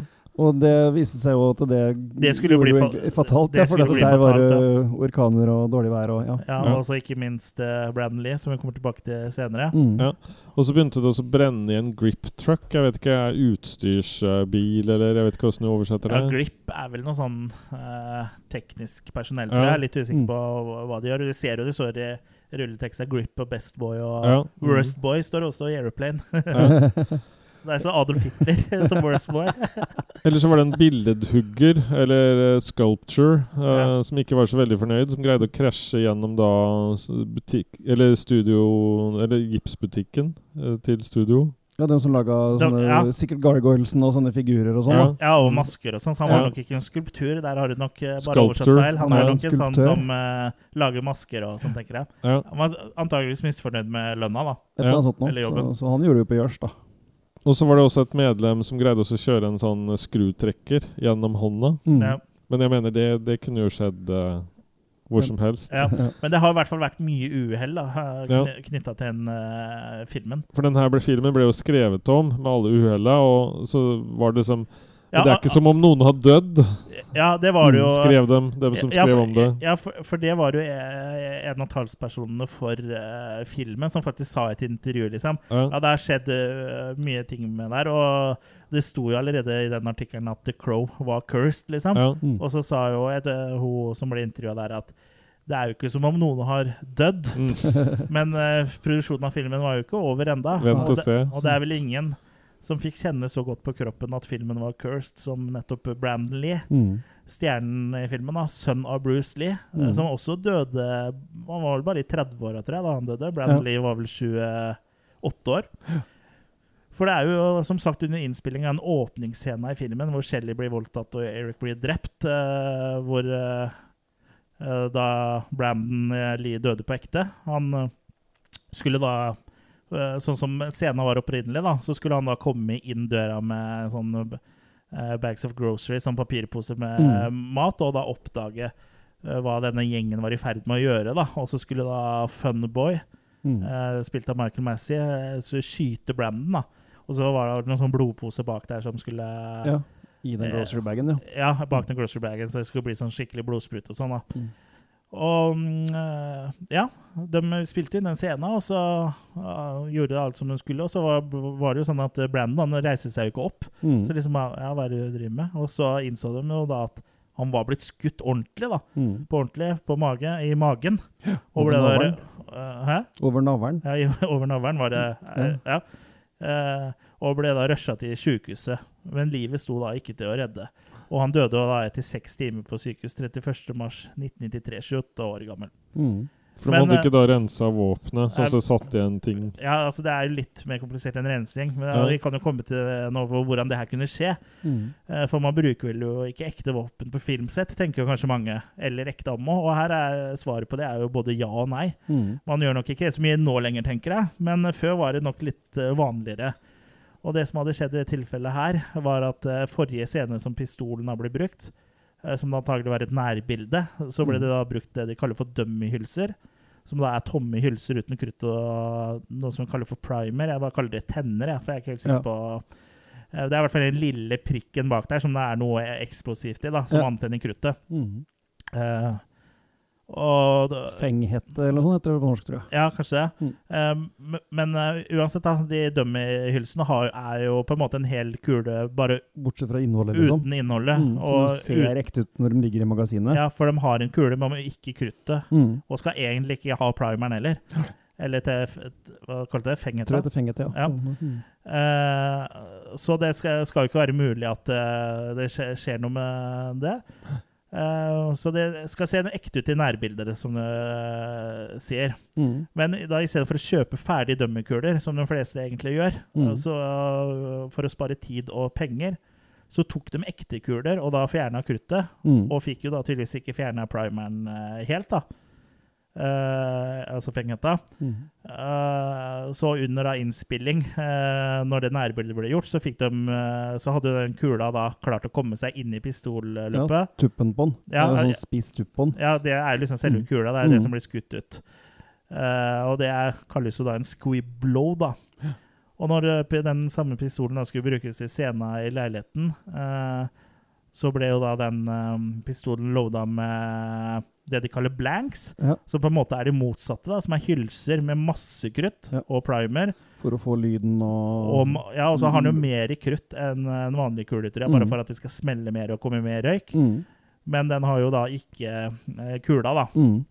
Men eh, eh, han som var ansvarlig for våpenet, hadde jo dratt hjem for dagen. Og det her var jo også en lokal eh, type, da. Det var ikke noe sånn Union-type fra Hollywood, liksom. Mm.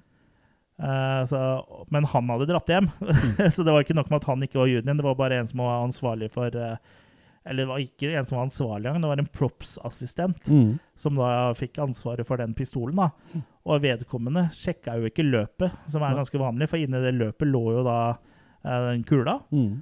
Så når de da skulle fyre av den blanken mot Brandon, så ble, fikk jo den da omtrent like høy hastighet som. Et eh, skarpt skudd hadde Mm. fått. da, Så det, det var jo liksom ikke noe bønn for Brenna. Han ble jo Mm. skutt i magen og drept, han. Så han blødde jo rett og slett i hjel. Ja, han gjorde jo det. Og han som skjøt, er jo da skuespiller Michael Massey, da, og han har jo slitt med det her i lang tid i etterkant. Og han fortalte mm. et intervju som var gjort eh, Jeg husker ikke om det var 2005 eller 2008, eller hva det var for noe, at han fortsatt hadde mareritt om den hendelsen her. da. Mm. Og det er jo ikke så rart, egentlig. Men det er jo ikke hans feil heller. Nei da. Eh, så- og han døde jo da sjøl, i en alder av 64 år i 2016, av magekreft, faktisk. uh, men han må jo ha hatt en jævlig skyldfølelse hele, hele livet, da. Men Ja. som sagt så er jo ikke hans uh, feil. Og alt det her ble jo filma, selvfølgelig. Og de opptaka ble jo da vist som, som bevis da, i rettssaken. Og Mm. etter rettssaken ble jo da de destruert etter moras ønske. Mm. Og saksøkte også alle involverte, har jeg lest et sted. Ja. Inkludert Michael Massey, som da skjøt. Mm. Men jeg har også lest at det var mora og uh, forloveden som ønska at filmen skulle bli fullført. mm. Så jeg vet ikke om øh, Det kan hende at første reaksjon til mora var å saksøke, og så neste var at hun på en måte hadde blitt overtalt av hun Eliza til å fullføre. Mm. For uh, Brandon Lee, så, så var jo det her en film han uh, virkelig brydde seg om. Ja, ja. Og det skulle jo egentlig bli et springbrett hans òg, for, for å bli en sånn virkelig stor stjerne. da. Og alt lå jo egentlig til rette for det, for det her er jo en eh, god film. Og det ville jo antageligvis eh, ført til ganske flere kule roller for han. da. Ja da, de snakka jo allerede om en oppfølger før filmen var ferdig innspilt også. Ja. Så de eh, hadde trua på det her, da. Og særlig Brandon Lee sjøl, som du sier, var jo veldig instrumental i at det ble film i det hele tatt. Eh, han som skrev tegneserien og sånn, ville jo ha Johnny Depp, og eh, produksjonsselskapet ville ha Michael Jackson til å spille rolla, liksom. Ja, for det første, første pitchen deres Ja. eh, var, var jo at det skulle være en musical. Ja. Og da bare lo han her eh, som har laga tegneserien, helt til han Ja. skjønte at de faktisk var seriøse. ja. Så det var først når Brandon Lee og um, regissør uh, Alex Proyas her, Ja, det, var det er noe sånt noe. ja, det var når de kom på banen at det, Alex Proyas. Proyas, ja. Som det ble vei i vellinga. Men eh, Brandon sjøl òg sies jo å ha sånn eh, vært litt sånn fascinert av døden, han òg, da. Mm. Han hadde jo annet en likbil som han pleide å like å kjøre rundt i på fritida. Og dro og besøkte graver til forskjellige kjendiser og sånn. Ja. Så Og så hørte han på The Doors. Så Ja, jeg, det er veldig- som jeg ikke helt skjønner har så mye eh, Vokalisten er jo død, og Ja. de var vel uh, aktuelle med en sånn film om med Val Ja, St- om The Doors. Stone så det kan jo hende at det var ja, Oliver Stone sin film. mm. Og han, eh, han eh, Jim Morrison var jo veldig fascinert av døden, da. Ja, så det kan jo hende det er derfor er han var fascinert linken, liksom. over uh, Ja.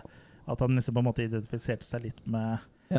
Så det er jo litt ironisk, da, eh, i og med at liksom både filmen handler mye om død, at han var besatt av død, Mm. at alt det her at uh, Det gjør at filmen får en sånn helt spesiell aura over seg, da. Ja, Og som gjør at filmen blir liksom veldig sånn uh, Ja, den blir noe for seg sjøl, med forbannelsen og dødsfall og alt mulig. Ja, ikke minst at faren sin eh, En av siste filmene fra faren, så blir han i filmen skutt av en uh, en uh, dummy, jeg vet det, sånn prop, Ja. propagand. Ja, som er, som er ladd på ordentlig. Ja, Ja. så det, det skjer liksom i en film som faren hans spilte i.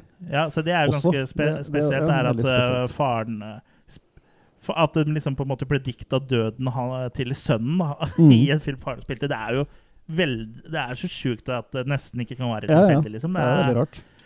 Men, men ja, det kan eh, Og så har det jo gått mye rykter da, om at eh, Bruce Lee ble jo drept av den eh, kinesiske Mafia.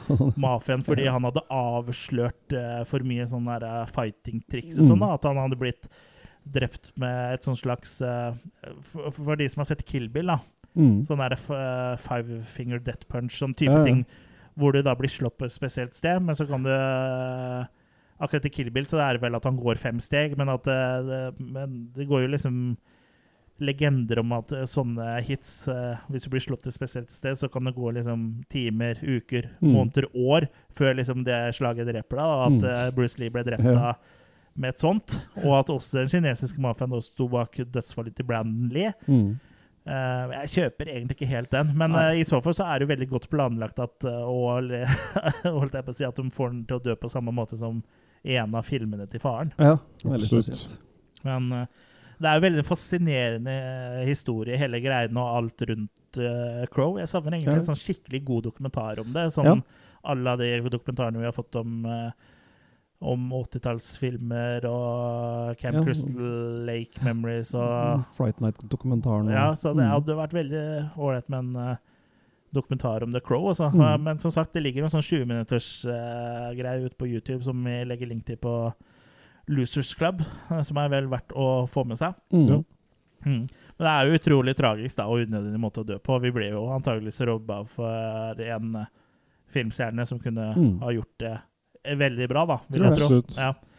Uh, for han viser jo jeg, Nå kjenner ikke jeg til Brandon uh, sin eh, filmografi før The Crow, men han hadde jo bare vært med i et par filmer. og Ja, om TV-seriegreier. ja, og, og det, var jo liksom litt, det var jo litt sånn i samme ånd som Bruce Lee. Ja. Sånn fighting-filmer. Jeg har sett en Rapid Fire, som uh, er sånn actionfilm. Den er ganske bra, den òg, altså. Men, men det som er at han ville jo distansere seg litt fra det martial arts-greia nå, og være Ja. mer en vanlig skuespiller igjen, da. Ja, og han som, står bak tegneserien nå, var jo veldig sånn skeptisk til Ja. at det skulle bli sånn karatefilm. da, Helt fram til han var på sett da, og møtte Mm. eh, Brandon, da, som da liksom sa replikker fra tegneserien og måten han hadde sminka seg på.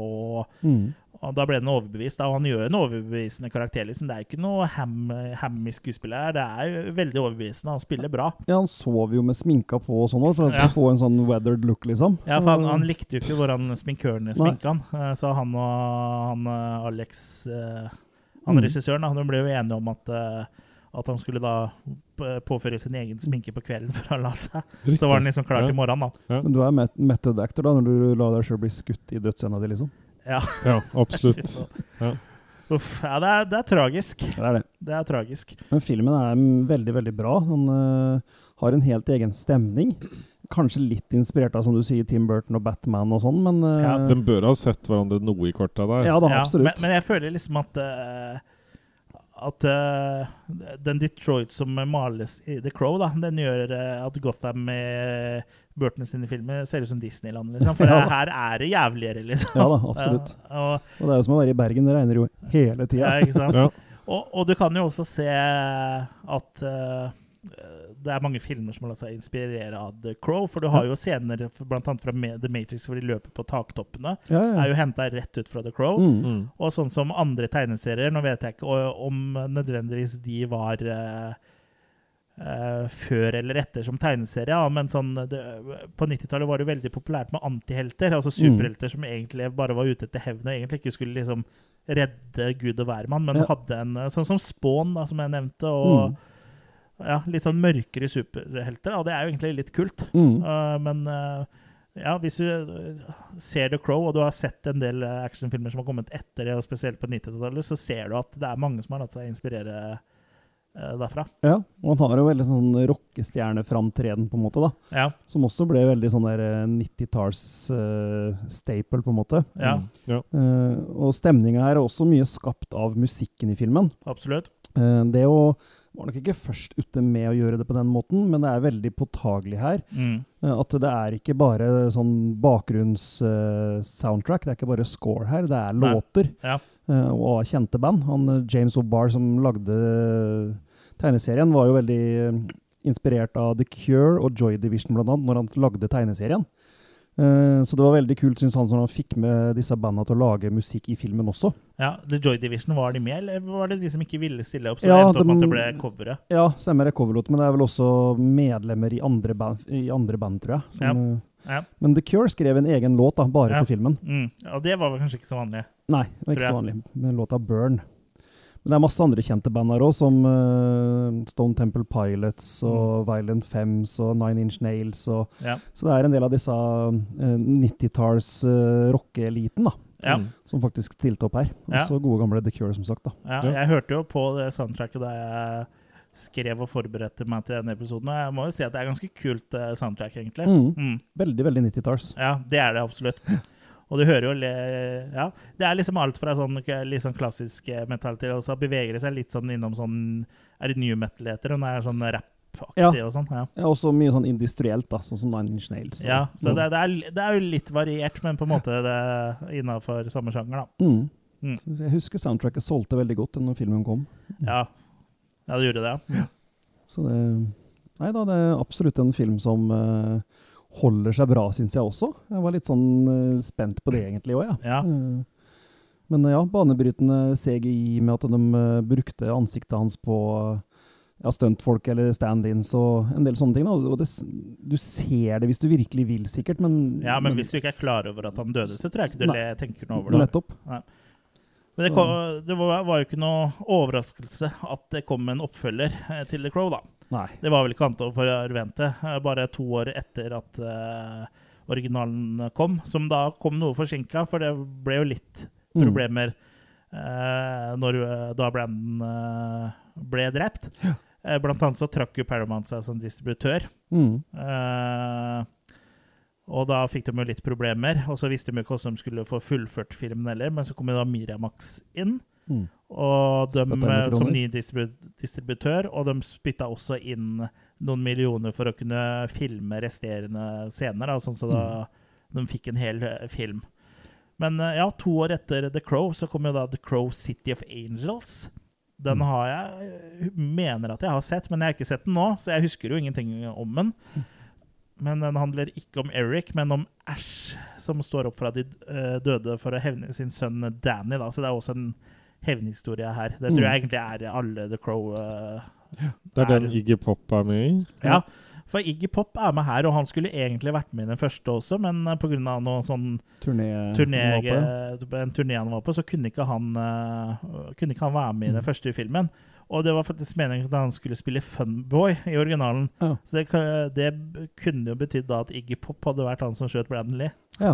Så det er jo rimelig spesielt. Mm. Eh, men eh, jeg kan ikke si noe om The Crow City of Angels, for jeg husker ikke noen ting av den. Men jeg vil jo tippe at den er eh, ikke like bra. ja. Ja. Jeg har nok sett den, jeg òg, men det er samme som det. Jeg husker ingenting av den. Nei. Eh, og Ja. den har nok ikke gjort, gjort noe inntrykk sånn sett, da. Så den Nei. er nok heller laber. Ja. I 2000 så kom også The Crow, da, Salvation, Mm. direkte på video. Den tror jeg også jeg har sett, men husker heller ikke noe av den. Og da mener jeg ingenting, liksom. Mm. Ja, den har jeg ikke sett, så den vet jeg ikke noe om. Nei. Og i 1998 også så var det jo en TV-serie altså, som het uh, The Crow, uh, Stairway to Heaven, faktisk. Mm. Ja. uh, den vet jeg heller ikke så mye om, egentlig, annet enn at den var kanadisk. Og at det var en som het eh, Mark Duskaskos, som da spilte Eric Draven. Så der var det jo Ja. Eric Draven det handla om, da. Men jeg vil jo 1998, en Ja. eh, TV-serie vi ikke har hørt om da. Jeg tror ikke budsjettet var høyt. Mark Baradaskos. Han spilte vel også inn noen sånne American Ninja-filmer og sånn, så han var også sånn martial arts. Ja, han var sånn martial arts-type, ja. Ja. Ja. Jeg kan jo hende den er bra. Jeg tviler. Ja, tviler jeg òg. Ja. Det har jo ikke gjort noe inntrykk, som sagt. Det er jo ingen som går og prater om annet enn den første filmen. Og så i 2005, det visste faktisk ikke jeg, så kom det enda en oppfølger. Mm. The Crow Wicked Prayer. Den Ja. har jeg aldri hørt om, men Ja. Dennis Hopper er med, og den anses da også for å være den dårligste i serien. så det er jo bra, da. Mm. Og helt siden uh, slutten av 90-tallet så var det jo også snakk om en eh, oppfølger til, som skulle hete The Crow 2037, Ja. med Robert Zombie bak spakene. Okay. Men den ble det aldri noe av, da. Så jeg vet ikke, Vi er ikke noen Rob Zombie-fans her, og i hvert fall ikke av filmene, så kanskje vi skal si heldigvis. Heldigvis. Jeg må jo Eller- si jeg liker hadde, noe av det. Eller hadde Rob Ja. Zombie og The Crow vært en god match? Jeg, jeg, det, det er rart du sier det, for jeg har Mm. tenkt Rob Zombie mens jeg har sett The Crow. Ja. Ja. For det kan, wow, I og med at liksom Detroit uh, i The Crow er så jævlig, så kanskje det er et perfekt Mm. hjem for da Rob Zombie, hvor alt er skittent og jævlig. Mm. Kan hende det funka. Ja da. Og så kanskje nå, Det er en liten brannfakkel. Kanskje også da bruke Jim uh, Carrey som uh, Erik Draven. Ja. Ja, men ha- Jim Carrey er en overraskende god skuespiller, så du skal Ja ikke se bort Nei, fra men jeg, at vil det funka. liksom, jeg, jeg sier det med litt sånn Ja. delt For i 2018 var det jo snakk om at Jason Momoa er der, skulle spille i en remake, da, eller reboot, eller Ja. Eh, og så skulle en som heter Corin Hardy eh, regissere, men eh, i 2018 så forlot de prosjektet. da. Mm. Men det har jo siden 2008 versert rykter om en remake, da, hvor da skuespillere som uh, Bradley Cooper, Shenning Tatum, Ryan Gosling, James McAvoy, Tom Hiddleston, Alexander Skarsgård, Norman Reedus, Luke Evans ja, og som sagt da Jason Momoa har Mm. allerede Eller har da vært knytta Ellers har det gått rykter da, om at Mm. de skal da ta over rollen som Eric Draven. da. Mm. Men det har ikke vært noe håndfast. og ja, Det er vel kanskje en grunn til at det aldri blir noe av. For jeg føler at liksom Du kan ikke lage remake av The Crow. Eh, Ikke fordi at uh, The Crow er en sånn perfekt film, nødvendigvis, men jeg ja, føler jo det er på en måte eh, Det er jo ettermælet til Brandon Lee, liksom. Jeg føler at eh, det blir feil å hviske over det, da. Mm.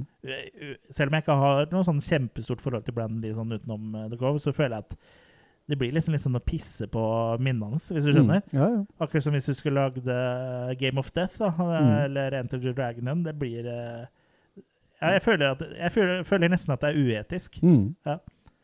Ja, jeg er enig. Ja. Ja, ellers så er jeg liksom for, er jeg ikke sånn imot remakes sånn egentlig, men her føler jeg at det liksom på en måte blir å Mm. pisse på leggesen til noen, da. Ja. Eh, altså til Brandley, så det eh, stiller jeg meg ikke bra Nei, bak, mener jeg. Tror du ikke det kommer noen sånne heavy curses da?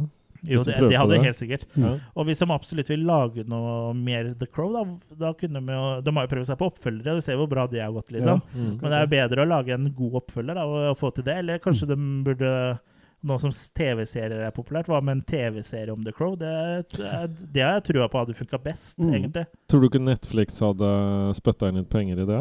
Jo, men jeg vet ikke om den IP-en eller franchisen The Crow egentlig er uh, så mye verdt, men uh, Eller sånn at det liksom det er en sånn moneymaker. Men jeg, det hadde vært ku Rob Zombie kan lage en uh, The Crow TV-serie. Det hadde vært Det hadde jeg i hvert fall sett på. Ja. Mm.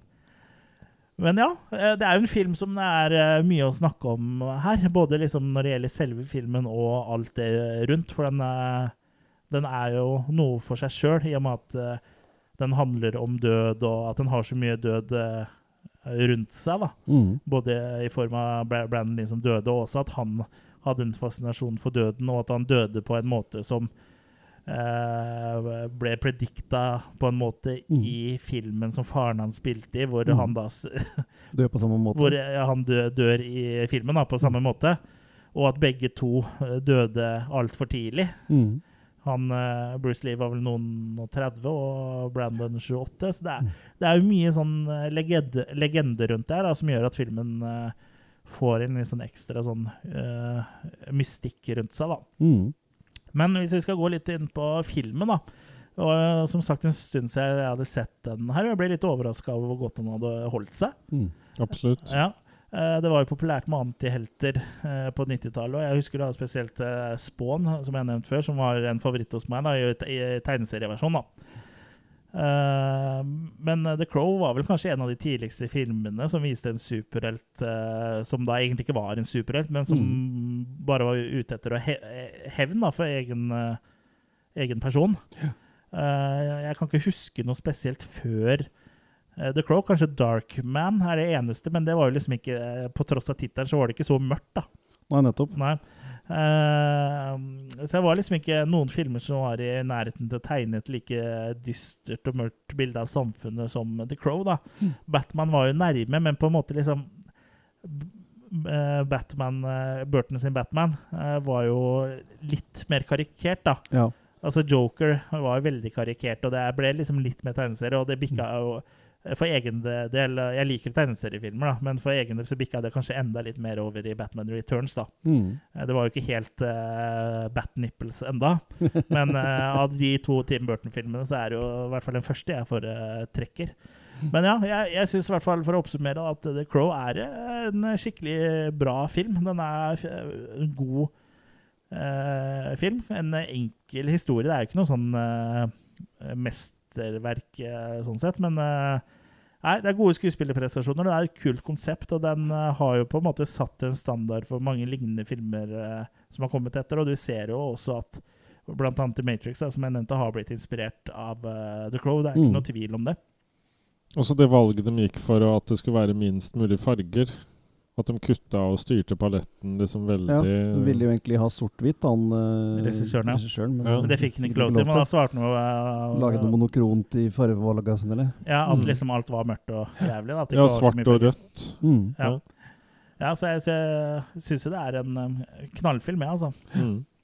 Absolutt uh, begeistra for den her. Det er eh, det at de får til et sånt eget univers, og helt fra du Du blir ganske sånn struck eh, fra første scenene hvor du ser denne miniatyren, og at det består i brann og alt det greiene der. Og du liksom Det blir et dykk inn i en helt egen verden som lykkes veldig bra.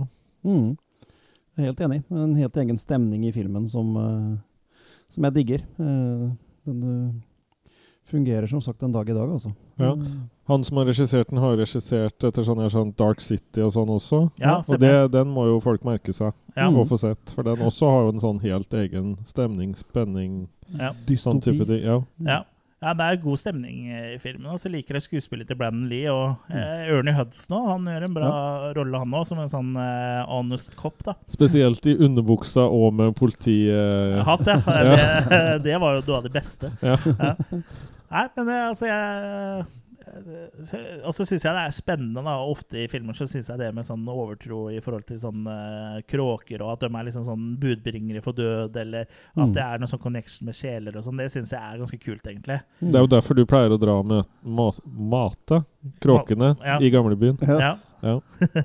Nei, og ja, som sagt, Edgar, Edgar Allan Poe var jo veldig på det her med at eh, liksom, kråker og ravner hadde en sånn sammenkobling med etterlivet, og norrøn mytologi, og som du nevnte, eh, Mm. Kurt. Så det, nei, det her var et eh, fornøyelig gjensyn, vil jeg si. Så for meg så blir det Er vi på makekast, eller? Ja. For meg så blir det her eh, makekast fem, det er ikke noe tvil. Mm. Fem ganske eh, solide maker. ja. Jeg slutter meg til Jeg, ser, jeg har notert det sjøl. Fem av seks. Klasker dem rett uh, hardt i Rett bordet. i bordet. Ja. Ja. Ja, jeg skal ikke være noe dårligere, jeg. Nei, det kan du ikke være. Du hadde egentlig tenkt å gi Nei, nei. Nei da, det blir en femmer fra meg òg. Altså. Ja. Eh, Mm. En skikkelig, skikkelig kul film. Ja. Ja.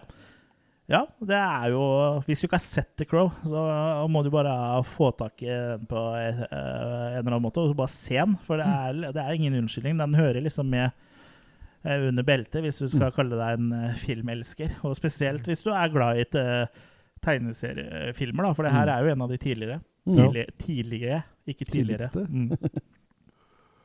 En av de tidligste. Ja, det er kanskje det òg. I hvert fall sånn I hvert fall av mørke, da. Ja. Mm. Så ja. Veldig bra, Mm. syns jeg. Vi nærmer oss jul, gutter. Det gjør vi. Ja. Eh, Julepølsa. Se, se, ser du at treet ditt eh, er tent? Og og sossisen er på plass. og sossisen er på plass. Og du har fått litt lengre skjegg igjen, eh, Kurt, så du Ja. gjør deg jo klar til uh, Nissejobb. nissejobb. Skjegget mitt er jo på sånn cirka nisselengde, det òg. Mm. Men uh, neste gang så blir det jo enda mer julestemning uh, for, uh, på fransk. Mm. For vi skal snakke om Fransk åpning. Ja, om Transcezé, kanskje Code Père Noël, cirka. Eller Deadly Games, eh, som det heter. da, Som er en sånn eh, kultfilm som da handler om en, eh, så vidt jeg har skjønt en, eh, For jeg har ikke sett den. Som handler om da en guttunge som er eh, hjemme alene, pun intended. Mm. Eh, mens da det kommer en innbruddstyv uh, iført nissekostyme inn i huset hans. da. Og jeg må jo bare si at uh, det her, hvis det her høres ut som en eh, annen film hvor en annen er hjemme alene, så har du helt rett i det. Men eh, det som er eh, artig, er at uh, Transcessé Can Squad Père Noël, eller Deadly Games, da, jeg tror vi kommer til å bruke den tittelen, kom året før uh, Hjemme alene. okay. Eller Home Alone. Så det blir litt artig å se, Mm. da. å se hvor mye Home Alone har Hvis Home Alone har latt seg inspirere av eh, Deadly Games, da. Mm. De nekter jo for det, men det var, så vidt jeg har forstått, så var det visst et søksmål der. Oh, ja. Ja. Mm. Uh, men det blir jo artig da å, ut, å finne ut av det her sjøl, da. For det var jo bare en film jeg bare oppdaga ved en tilfeldighet når jeg drev og googla etter uh, Vi har jo holdt på noen år nå. Mm. Og det begynner å bli eh, tynt i rekken av sånne julefilmer. Eh, I hvert fall som er litt sånn, sånn veldig sånn eh, skrekk eller sci-fi eller kult. Vi har sikkert eh, noen igjen, men, eh, men eh, da dukka den her opp, da. Den hadde jeg aldri hørt om. Og når jeg leste om den, så liksom Det her er jo Hjemme alene, bare med en Killer Santa. Eh, så ja, det blir spennende å se. Det er ingen av dere som har sett den før? eller? Nei. Hørt om den før? Nei. Nei, Nei, så det her blir jo gøy. Og jeg har jo sett Upløyd mark. jeg har jo sett på diverse sånn eh, Facebook eh, sier at det er noen andre og i, på en måte i, i Norge også, da, som har sett den, Mm. og som også har kjøpt den samme utgaven uh, som meg. Ja. Eh, så ja, det blir spennende. Mm. Og det blir jo da siste episode i, for 2020, da. Så kommer vi sterkere tilbake, eller like dårlig tilbake, i 2021. Mm. Men eh, ja, fram til neste gang så er det bare å uh, følge oss på Facebook. Vi er Mhm. også på Instagram. Vi har jo som sagt Losers Club, som er communityet vårt på Facebook. Og så har vi også en premium-podkast som heter Killercast After Hours, som du får tilgang til ved å eh, bli medlem. da. Eh, Og det koster eh, 39 kroner måneden. Og du kan også velge å gi mer da, hvis du er av den ålreite typen.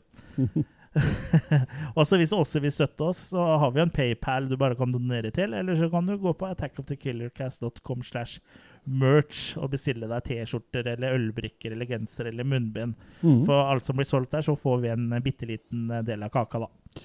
Så jo mer, ja, jo mer du bestiller, jo mer kake blir det på oss. ja. Har du noen eh, visdomsord å avslutte episoden med, Jørgen? Ja, uh, apropos sånne julefilmer, så har du Per Christian Ellefsen i den Rear Exports. Så mm. hvis det blir veldig tynt for julefilmer, så har vi den også. Ja, mm. så, det, så, det, kan jo hende vi tar om et år igjen. Mm. Men uh, ja. Ha det bra, folkens! Ha det.